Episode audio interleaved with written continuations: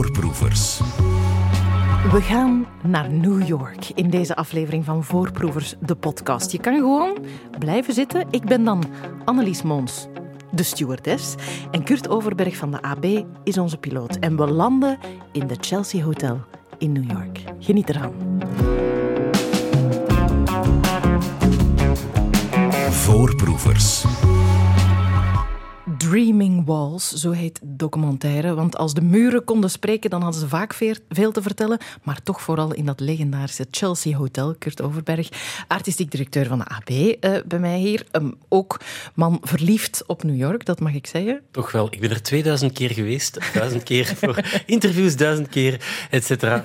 Ik heb er nooit de subway genomen. Jawel. Nee, ik ben er een, uh, ongeveer een 7, 8 keer geweest, denk ik. En op een of andere reden, ja, sowieso vind ik het een legendarische, fantastische stad, uh, had ik de droom om ooit naar mijn studies, communicatiewetenschap op de VB, om naar New York te gaan. Waarom? Omdat ik mijn uh, eindwerk, mijn thesis, uh, had gemaakt over hip-hop. En ik was dan plots zo verknocht aan die hip-hop cultuur, um, dat ik ja, begin jaren 90 zei van ik trek na mijn studies drie maanden naar Amerika. Heb ik ook gedaan. Ik heb woord gehouden met mezelf.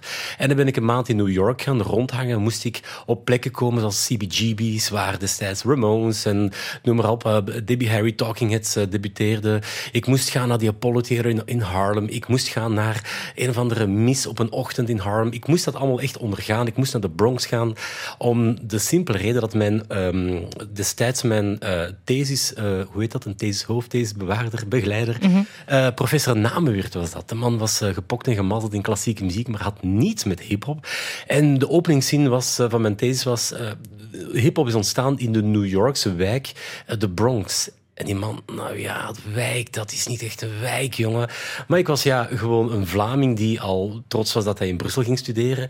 En toen ik nadien in, ja, in de Bronx kwam, toen dacht ik van, dit is inderdaad geen wijk. Dit is zo groot als de provincie Antwerpen. Dat heeft mijn wereldbeeld veranderd. Maar die liefde is nooit weggegaan. En ja, vooral ook altijd op zoek gaan naar plekken die toch wel op een of andere manier cultureel gelinkt zijn. Want dat is mijn grote liefde, muziek. Ja. En ja, vooral heel veel oude muziek. En ja, want dat ging ik, ging ik zeggen, van verliefd op New York en verliefd op de muziekgeschiedenis. Dus de ideale man om voor ons naar die documentaire te kijken. Ik zei het al, het lijstje, je kan het eigenlijk niet opsommen wie daar allemaal kort of lang verbleven heeft in het Chelsea Hotel.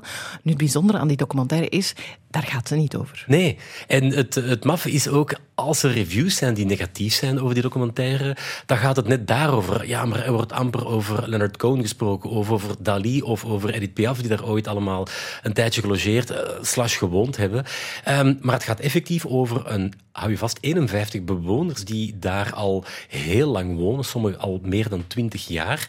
En dat zijn ook niet meteen beroemde mensen, dat zijn wel mensen met een artistieke achtergrond. Maar uh, je moet weten, in 2011, als ik me niet vergis, zijn ze Hotel Chelsea of Chelsea Hotel. Ik ben er nog altijd niet uit. Iedereen zegt Chelsea Hotel. Um, maar zelfs de website zegt Hotel Chelsea mm -hmm. of de sign ook. En um, daar uh, ging eigenlijk een soort van reconstructie zijn, een uh, vernieuwing van amper een jaar. Maar dat duurde, of dat duurt ondertussen al ongeveer elf jaar. Nu is Chelsea Hotel terug open, ook voor bezoekers. Kan je daar kamers terug huren of appartementen of suites. En dus die mensen die wonen daar echt in in ja, toch wel redelijk gevaarlijke omstandigheden. Ja. In de zin dat, uh, stel dat je thuis je keuken verbouwt, daar word je al half zot van, uh, omdat er indringers in je huis komen. Wel, daar lopen honderden construction workers uh, al tien jaar rond, terwijl die mensen gewoon dag in dag uit hun dagelijkse dingen doen. Mm -hmm. En ik hoor jou denken, Annelies, waarom blijven die mensen daar dan in godsnaam nog wonen? Wel, er bestaat zoiets als rent control in New York. En ja, zij lenen of zij huren nog die relatief grote appartementen nog voor zeer aanvaardbare prijzen. Uh, dus je zou eigenlijk maar dom zijn uh, om daar weg te gaan. Maar ja, want rent control koppers, natuurlijk. wil zeggen dat je de rest van je leven, bij wijze van spreken, of letterlijk, um, dezelfde prijs blijft ja. betalen. Hè? Dus, dus, dat is voor 300 dollar zit er een koppel. En de exuberante prijs die men nu vraagt, um, zelfs op Airbnb, ja, die, die, dat, dat, dat is, uh, dat, je zou echt dom zijn om te moeten weggaan uit zo'n legendarische plek zoals Hotel Chelsea. Ja. dat eigenlijk nooit een hotel is geweest in de binnen, maar dat is een hele Daar gaan we het straks nog over hebben, want wat je zegt is, het is hallucinant. Hè. In de documentaire, je ziet ze lopen niet gewoon tussen het stof, maar ook deuren zijn plastic basjes geworden. Uh, alle, alle kabels liggen daar bloot. Maar wel heel mooi, de bewoners en de construction workers, die kennen elkaar gewoon bij, elkaar, bij de voornaam. Ja, het is heel vreemd, want toen ik eh, naar de documentaire begon te kijken, je hebt op een of andere manier al een vijand gevonden. Dat zijn die construction workers, want zij verkloten heel de boel. Zij zijn eigenlijk bijna het tastbare symbool van ja, die vernieuwingsdrang van een stad die het economisch allemaal wel... Ja, het moet geld opbrengen natuurlijk, zo gaat dat in New York. Uh, op die kleine plek die amper drie kilometer doorsnede heeft, want Manhattan is uiteindelijk een eiland. En, uh, en toch ja, zie je dat die bewoners uh, elkaar met de naam aanspreken. En ja, eigenlijk de hele documentaire begint eigenlijk met, met dat duo dat de film heeft gemaakt, twee Belgische vrouwen, dat ze Merle volgen, een choreograaf die al 75 jaar is. En die... Een choreograaf met een rollator. Met een rollator. En het grappige is dat ze regelmatig wel in de gangen danst. Ze heeft dat dus niet verleerd. Maar ze heeft daar aangepapt, mag ik wel zeggen. Want het, er ontstaat zo precies een soort van bijna platonische liefde tussen een Afro-Amerikaanse man uh, die niemand van zijn helden daar herkent, want het waren bijna allemaal blanken die daar destijds uh, grote sier maakten. En zij raken wel aan de klap en hij geraakt geïntrigeerd door, door haar. Uh, omdat ze altijd zotte dansjes doet in de gangen. En op een bepaald moment zie je ze zelfs helemaal dansen, samen dansen. Dat is eigenlijk wel een heel mooi beeld eigenlijk. En mm -hmm. het is ook die verzoening, want er is een ander beeld dat me enorm bijblijft vanuit de documentaire. Is een koppel is de kerstboom aan het afbreken na kerstmis. En eh, terwijl dat je eigenlijk naar buiten ziet, zie je daar constant eigenlijk die construction workers in een lift van boven naar beneden gaan. En dat moet zo'n impact hebben op je dagdagelijkse... De herrie. Het verschrikkelijk, ja. ja. ja. En toch zijn die koppengaard, want er is heel veel koppigheid mee gemoeid, zo gaat dat met artistiekelingen natuurlijk.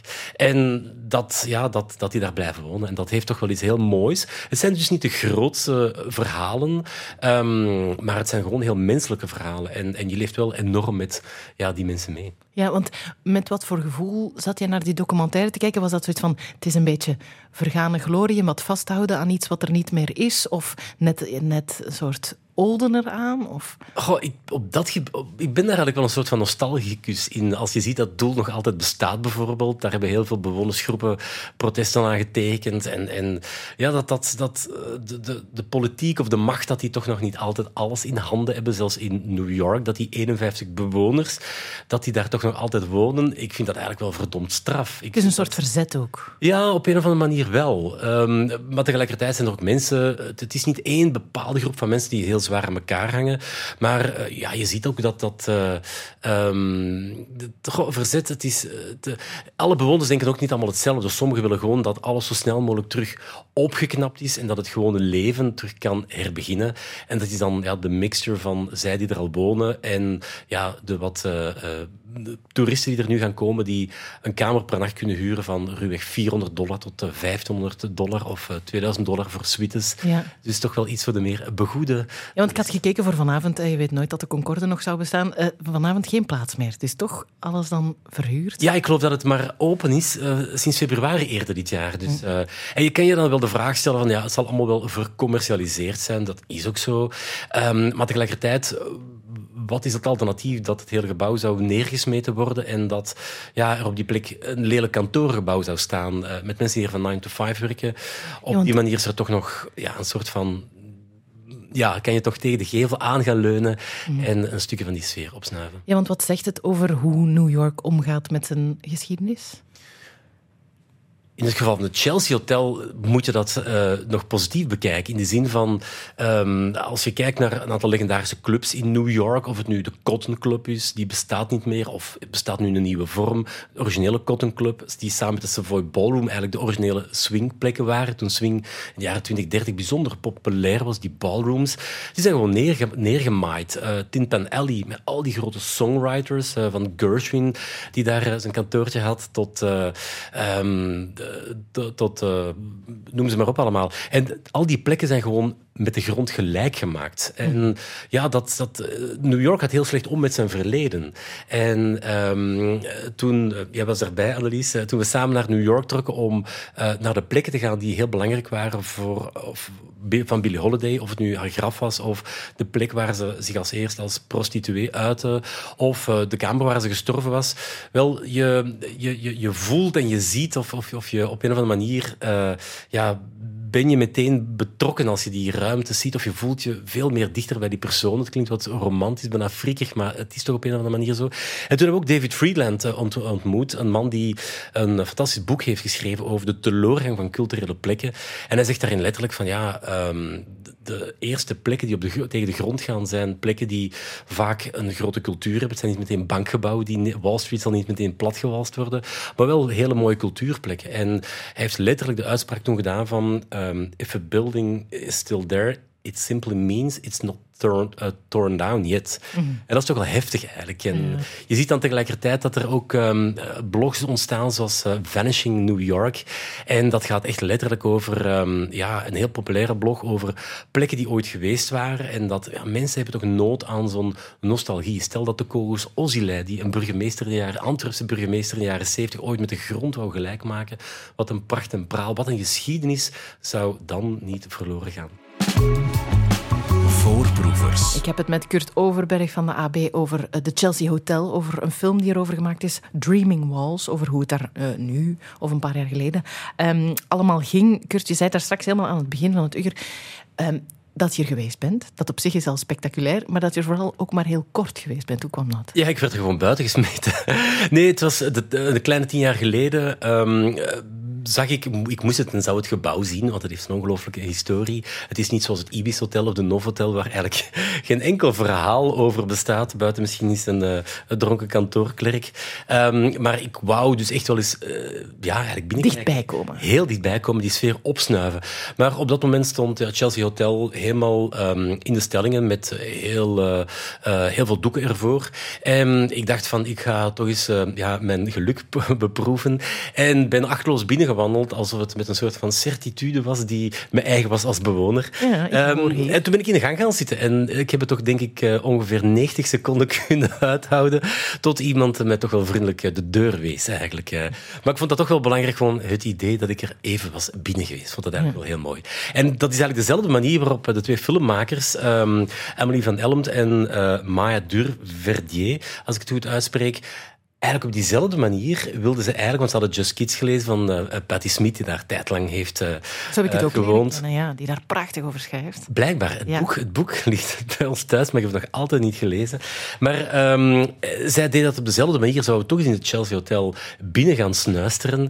Ze hebben dat gedaan um, en ze waren iets succesvoller dan ik in die zin dat ze meteen een lokale bewoonster hebben aangesproken, waardoor het leek of dat zij werden uitgenodigd. En ja, op die manier eigenlijk, uh, hadden ze plots het idee van dit zou eigenlijk wel mooi zijn om hier een documentaire rond te maken. En we hebben nu eigenlijk een lied, zijn de, de, de 75-jarige oude um, choreografe uh, Merle. En die was eigenlijk de lied om het hele verhaal in gang te doen shotten eigenlijk. Ja, dus volgende keer gewoon iemand aanspreken op een plek waar je wil binnengaan en dan komt dat allemaal goed. dan word je niet buiten geschot. Nu, op zich, je zei wel, het stond helemaal in de stellingen. Ik had eigenlijk nog nooit, ik was nu naar foto's aan het kijken, de buitenkant van de, de Chelsea Hotel of de Hotel Chelsea gezien. Dat is wel gewoon spectaculair op zich. Ja, absoluut. Uh, die met de rode bakstenen, mooie ijzeren balkonnetjes allemaal. Groot uh, ook. Heel groot, 12 verdiepen hoog. Um, ooit hebben daar 400, 500 mensen in gewoond. Um, dat is nu teruggereduceerd naar 51, maar sinds februari kan je daar dus terug gaan logeren. Um, en het markant is eigenlijk van, van dat imposante gebouw dat dat eigenlijk nooit een hotel was. Ah, of dat was nooit echt opgericht. Uh, in 1883 hebben ze twee jaar gewerkt om uh, Chelsea Hotel om dat uh, ja, te kunnen openen. En dat Grappig wel dat het maar twee jaar geduurd heeft om het te bouwen. En Heel vreemd, ja. 25.000 jaar om het dan te renoveren. Ja, het, meer dan elf jaar, ja, effectief. En het, het bizarre is dat dat werd eigenlijk een soort van... Het was eigenlijk een sociaal project, een commune, waar eigenlijk een soort van self-sustainable plek moest zijn, waar zowel bankiers gingen, mochten gaan wonen, maar ook loodgieters, als er dan een loodgieter nodig was, of er waren bankzaken te doen. Um, en dat werkte wel een heel klein tijdje zo, maar eh, zoals altijd in Amerika of vaak wereldwijd, het kapitalisme of het kapitalistische systeem deed wel inzien dat ja, de plek goed moest verhuurd worden. En eh, dat waren geen hotelkamers, maar er waren echt appartementen allemaal die er waren. Mhm. En heel snel, uh, Broadway bestond er nog niet. Ehm, en in de buurt van Chelsea Hotel waren heel veel theaters, dus die plek werd al heel snel ingenomen door mensen uit de culturele wereld. En toen het gebouw werd overgekocht in de jaren 40 um, ehm, door een zeker Dan Bird, was het zijn zoon Stanley Bird, uh, Stanley Bart, uh, Bird, Stanley uh, Bart, die daar de hotelklerk werd.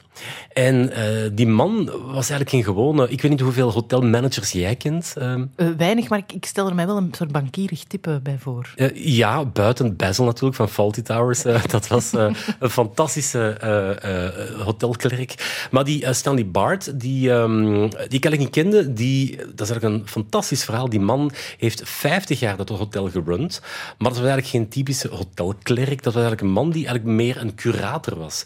Dus hij vond gewoon van, ja, Patti Smith die lijkt me wel oké, die mag binnen. Robert Mapplethorpe is oké. Harry Smith, de filmmaker, uh, die mag ook wel binnen. Dali, ja, die kan. En oh, Jackson Pollock, ja. En dat zijn allemaal super interessante mensen. En hij voelt ook wel soms aan dat niet iedereen het geld had om zo'n appartement te huren.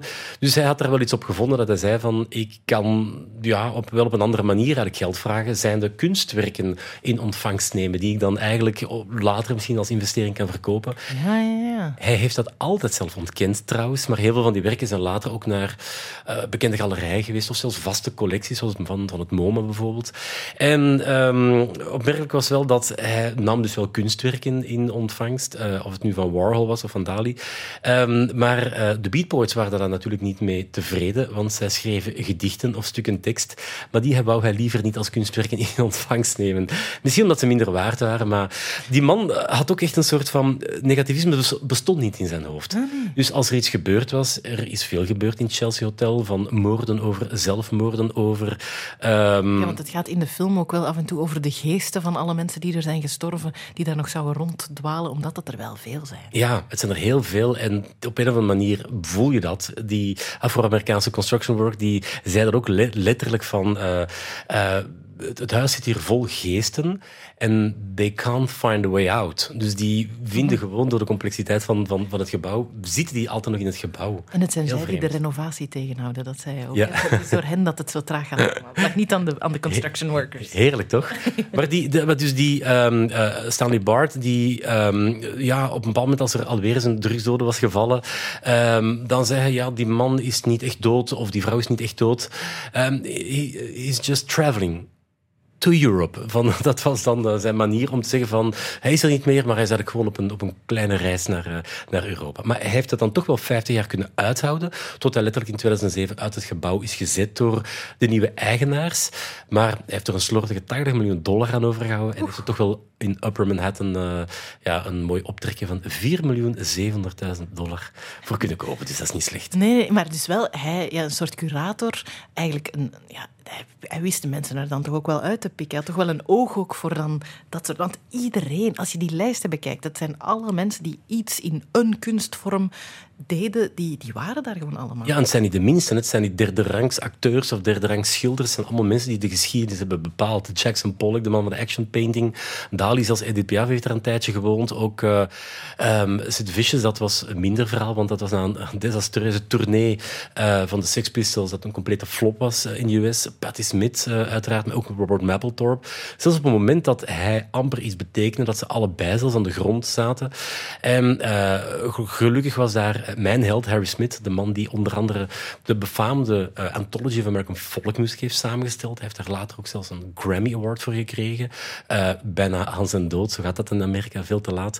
En die man wist dan wel zo'n soort van witch doctor, uh, die ook in het hotel woonde, op te zoeken, die dan Robert Mapplethorpe genezen heeft tot hij ja, tot de hogere kunsten kon behoren. En, dus dat commune-idee van er is wel een loodgieter die het dan kan komen fixen als er een probleem is, het was op een andere manier, maar er ja. was altijd wel een schrijver in de buurt of iemand die dan kon helpen of het nu op drugsvlak was of op een ander. Ja, eigenlijk wel heel mooi toch, als je dat zo bekijkt. eh, Dat, dat, dat... Nogmaals, ik ken geen enkel hotel, misschien de Hilton in eh, Amsterdam, die een soort van culturele referentie heeft, omdat daar de bed in was. eh, eind jaren 60 met, met John Lennon en Yoko Ono. En van datzelfde gebouw sprong dan ook nog eens Herman Brood, zoveel jaar later. Dat Ehm, zijn twee verhalen, hè? dat zijn twee verhalen, wel legendarische verhalen, maar, maar dit jaar was echt een. een ehm, ja, de, de af- ziel kleeft daar letterlijk aan de muren. Ja. Dat was toch wel heel mooi. En ik moest onlangs denken, ehm, toen ik s'nachts wakker lag van de documentaire, ik dacht van, waarom doet mij dit zoveel? En eh, in de, de mooie coronaperiode, als je weer eens op Zoom zat, dan ehm, begon ik de witte muren te tellen op die Zoom-scherpjes. En ik heb nog iets tegen witte muren in de zin van, als je bij mensen in een huis ehm, eh, binnenkomt... ehm, Bij jou zijn er geen witte muren. er zijn niet meteen witte muren eh, te bespeuren. Het hangt vol platen en boeken. Maar dat zegt heel veel over mensen. En eh, je kan eigenlijk aan een interieur vaak de mensen aflezen. En ik vind het altijd akelig als ik enkel maar witte muren zie. Dan denk ik van, waar is je ziel? Projecteer je ziel toch op je muren of in je meubels? Of, of... En ik vind dat, ja, ik, dan denk, denk ik altijd, wat hebben mensen te verbergen die witte mu- muren hebben? En dat is het, die opposite met het Chelsea Hotel. De muren hingen vol kunst en kunstwerken. En ja, ik ben eh, twee weken geleden, zelfs met de dochter, ook naar eh, eh, de, het hernieuwde KMSK geweest. En Polly vond dat, de dochter, ze heet ze, het mooiste museum waar ze ooit was geweest. Omdat dat toch een hele warme omgeving was. En ja, die kunstwerken die spreken tot jou. Ook al begrijp je ze niet meteen of kan je ze zelfs niet, meer, niet meteen gewoon appreciëren of, of de context eh, kennen. Maar toch, ehm, ja, ik vind dat, vind, ik vind dat fantastisch. Walls eh, can talk, Ja, absoluut. Dreaming Als Walls. Muren konden horen, was eigenlijk... Het is ook een heel poëtische titel. En de filmmakers ehm, die ik vandaag nog heb gesproken, omdat ik daar, daar ben ik dan wel zo... ehm, ik vind dat dan wel belangrijk om de makers daarachter te kennen.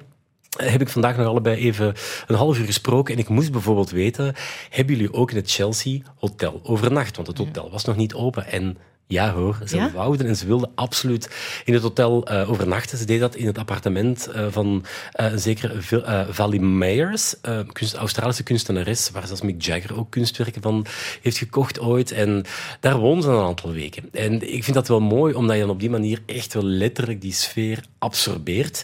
En dat je dan toch, ja, toch weer dichter komt bij die, ja, dat, dat, dat ideaalbeeld van hoe het ooit was. Ja, dat je zelf even een stukje van dat verhaal eh, mag zijn. Ook, want daar gaat het ook wel over in de film. Hè, dat er dan eh, legendarische blauwe muren in de kamer van waar Janis Joplin dan ooit Ja. was, dat die dan verdwijnen en dan mooi wit worden gemaakt, zodat het dan in een nieuw hotel eh, gaat. Voorproevers. Jazeker, voorproevers over de Chelsea Hotel, eh, over de bewoners van het Chelsea Hotel. Er is nu een film, Dreaming Walls, over de bewoners nu. Mensen die daar al heel lang, soms van de jaren 70, al wonen aan eh, dezelfde huurprijzen. Ehm, maar het zijn niet zij die heel bekend zijn. Het zijn eh, de, de Patti Smiths en de, wie hebben we allemaal genoemd, de Jimi Hendrix. Ik leerde ze ook kennen in dat boek Just Kids. Dan wordt er heel mooi geschreven over, dan sta je daar aan die trappen en dan is Jimi Hendrix daar en dan is die daar. En als je af en toe eens naar een plaat luistert, dan heb je deze zin ook al zeker gehoord. I remember you well in the Chelsea Hotel. You were talking so brave and so sweet, giving me head on the unmade bed while the limousines wait in the street. Misschien wel de bekendste zin eh, die het eh, over Chelsea Hotel. Het is Chelsea Hotel number 2 van Leonard Cohen. Ik zal het nog eens herhalen voor mensen die, eh, die het niet goed verstaan hebben. Given me head. Dat wil zeggen, ik werd gepijpt op een unmade bed, een niet opgemaakt bed, terwijl de limousine stond te wachten. En het ging over Janis Joplin. Dat, dat is algemeen geweten. Eh, maar Kurt, je bent eh, jezelf geweest en dan ga je heel erg graven in dit, dat soort verhalen. En waar ben je dan nog uitgekomen? Wel, het grappige was, ik, ik dacht, ik wil het er niet eens over hebben, want het is zo'n gekend verhaal. Maar de, Cohen zijn eerste plaat was eigenlijk zo goed als geflopt. Ehm, hij belandde dan wel in de Chelsea Hotel, waar hij tijdlang heeft gewoond. Ehm, ehm, ja, hij was ook wel een womanizer, dat is gekend. Hij had trouwens nog op Nico, maar Nico viel op iets jongere, jongere mannen. eh, Cohen was toen al iets ouder. En op een of andere manier was hij wel, door die flop van die eerste platen, ja, dat gaf hem toch wel een, een, een... Daar was hij redelijk depressief van eigenlijk. En op een of andere manier had hij een fascinatie... ehm, eh, voor de lift in het Chelsea Hotel. Of een van de liften. En hij maakte er zijn sport van om eh, ja, in die lift van boven naar beneden te gaan. Maar echt tientallen keer per dag. Wat grappig is, want in de documentaire, die manager waarover het daarnet ging, als kind deed hij dat ook, vertelt hij in de documentaire. Ah, kijk, dat hij een mooie parallel. super onrustig jongetje was en het enige wat hij wou was eindeloos op en neer in de lift. En dat deed dus Cohen ook. eh, tot op een bepaald moment. Hij wist dat Janis Joplin, eh, die toen aan een flinke opmars bezig was, zich ook in het hotel bevond. En op een dag stapten ze samen in de lift.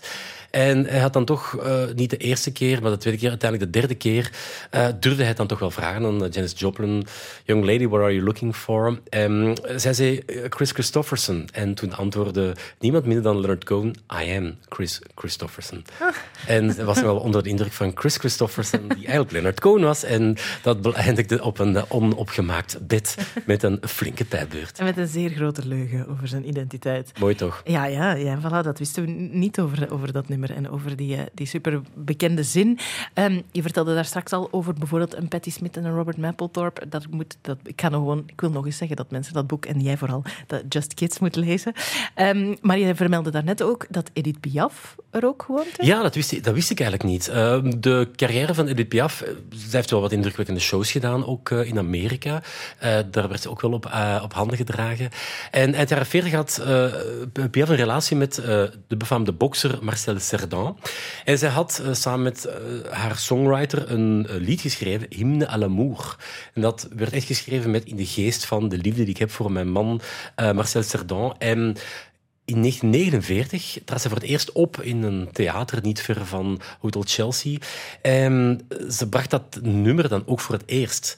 En toen zij in Hotel Chelsea verbleef, een paar weken later zou haar man overkomen, maar eh, hij is er eigenlijk nooit geraakt, want hij is eigenlijk in die vlucht naar New York eh, ja, in een vliegtuigongeluk om het leven gekomen. Dat is toch wel een heel tristig verhaal. En dat typeert eigenlijk heel veel van... ehm, we hebben het nu nog over eh, Chelsea Hotel number 2 van Cohn. Dat nummer, ja, dat vindt zijn inspiratie daar. Heel veel van de verhalen die artiesten en iconen, zeg maar allemaal hedendaagse iconen, die zijn daar ook op een of andere manier tot, ja, tot, tot, tot volle wasdom gekomen. Of ja, nummers die daar geschreven zijn, of kunstwerken die daar gemaakt zijn. En dat maakt toch wel bijzonder straf eigenlijk, dat het waren niet zomaar korte passages. Nee, er is altijd wel een heel mooi... ehm, om nog eens terug te komen op Robert, Robert Mapplethorpe. Die man had zijn kunstvorm nog echt niet gevonden toen hij aankwam in... ehm, Chelsea Hotel en dankzij wat eh, bevriende medebewoners, eh, ja, die hem letterlijk echt in de kunstwereld introduceerden, ja, is hij de man met de reputatie die we nu kennen eigenlijk. En dat maakt het wel mooi. En die Warhol met zijn Chelsea Hotels die hij daar filmde, ja, als, een, als er één film is van Warhol die we kennen, is het wel Chelsea Girls, ja. ja. Chelsea Girls. Ja, ja, ja. Ja, het is niet dat ze daar eh, ook op het einde... Het is allemaal op een heel belangrijk moment op, in hun carrière. Bob Dylan, die er Blanc on Blanc ook schrijft. Het is allemaal wel echt... Daarom dat er zoveel nummers ook over zijn. Ehm, en dan nog blijven er meer en meer verhalen bovenkomen. Ik weet ook, in de documentaire gaat het op een moment over mensen die een hele tuin daar aanplanten met toekans. Prachtig, prachtig Ja, toch? Ineens zijn er beelden van een toekan en bijna geen, een flamingo eh, die er mee in, in dat hotel zitten. Dat, dat was eigenlijk een, een, een, componist, eh, George Kleinsinger, die ik zelf niet ken. En die man die begon eigenlijk allemaal met een kanarie. Ik hou van dat soort van verhalen, maar dat hoor je. Het begint met een kanarie. En een kanarie, wat heeft een kanarie nodig? Niet een klein hokje om in te en eh, jezelf eh, onder te schijten. Nee, een kanarie heeft een boom nodig. Dus die man die heeft letterlijk een boom eh, in zijn eh, grote suite slash appartement eh, aangekocht om daar te zitten. Dus dan kon die kanarie daar netjes in zitten. Maar dan begon het eigenlijk ook met een python en dan begon het verder te gaan met nog wat tropische vogels, zelfs piranha's.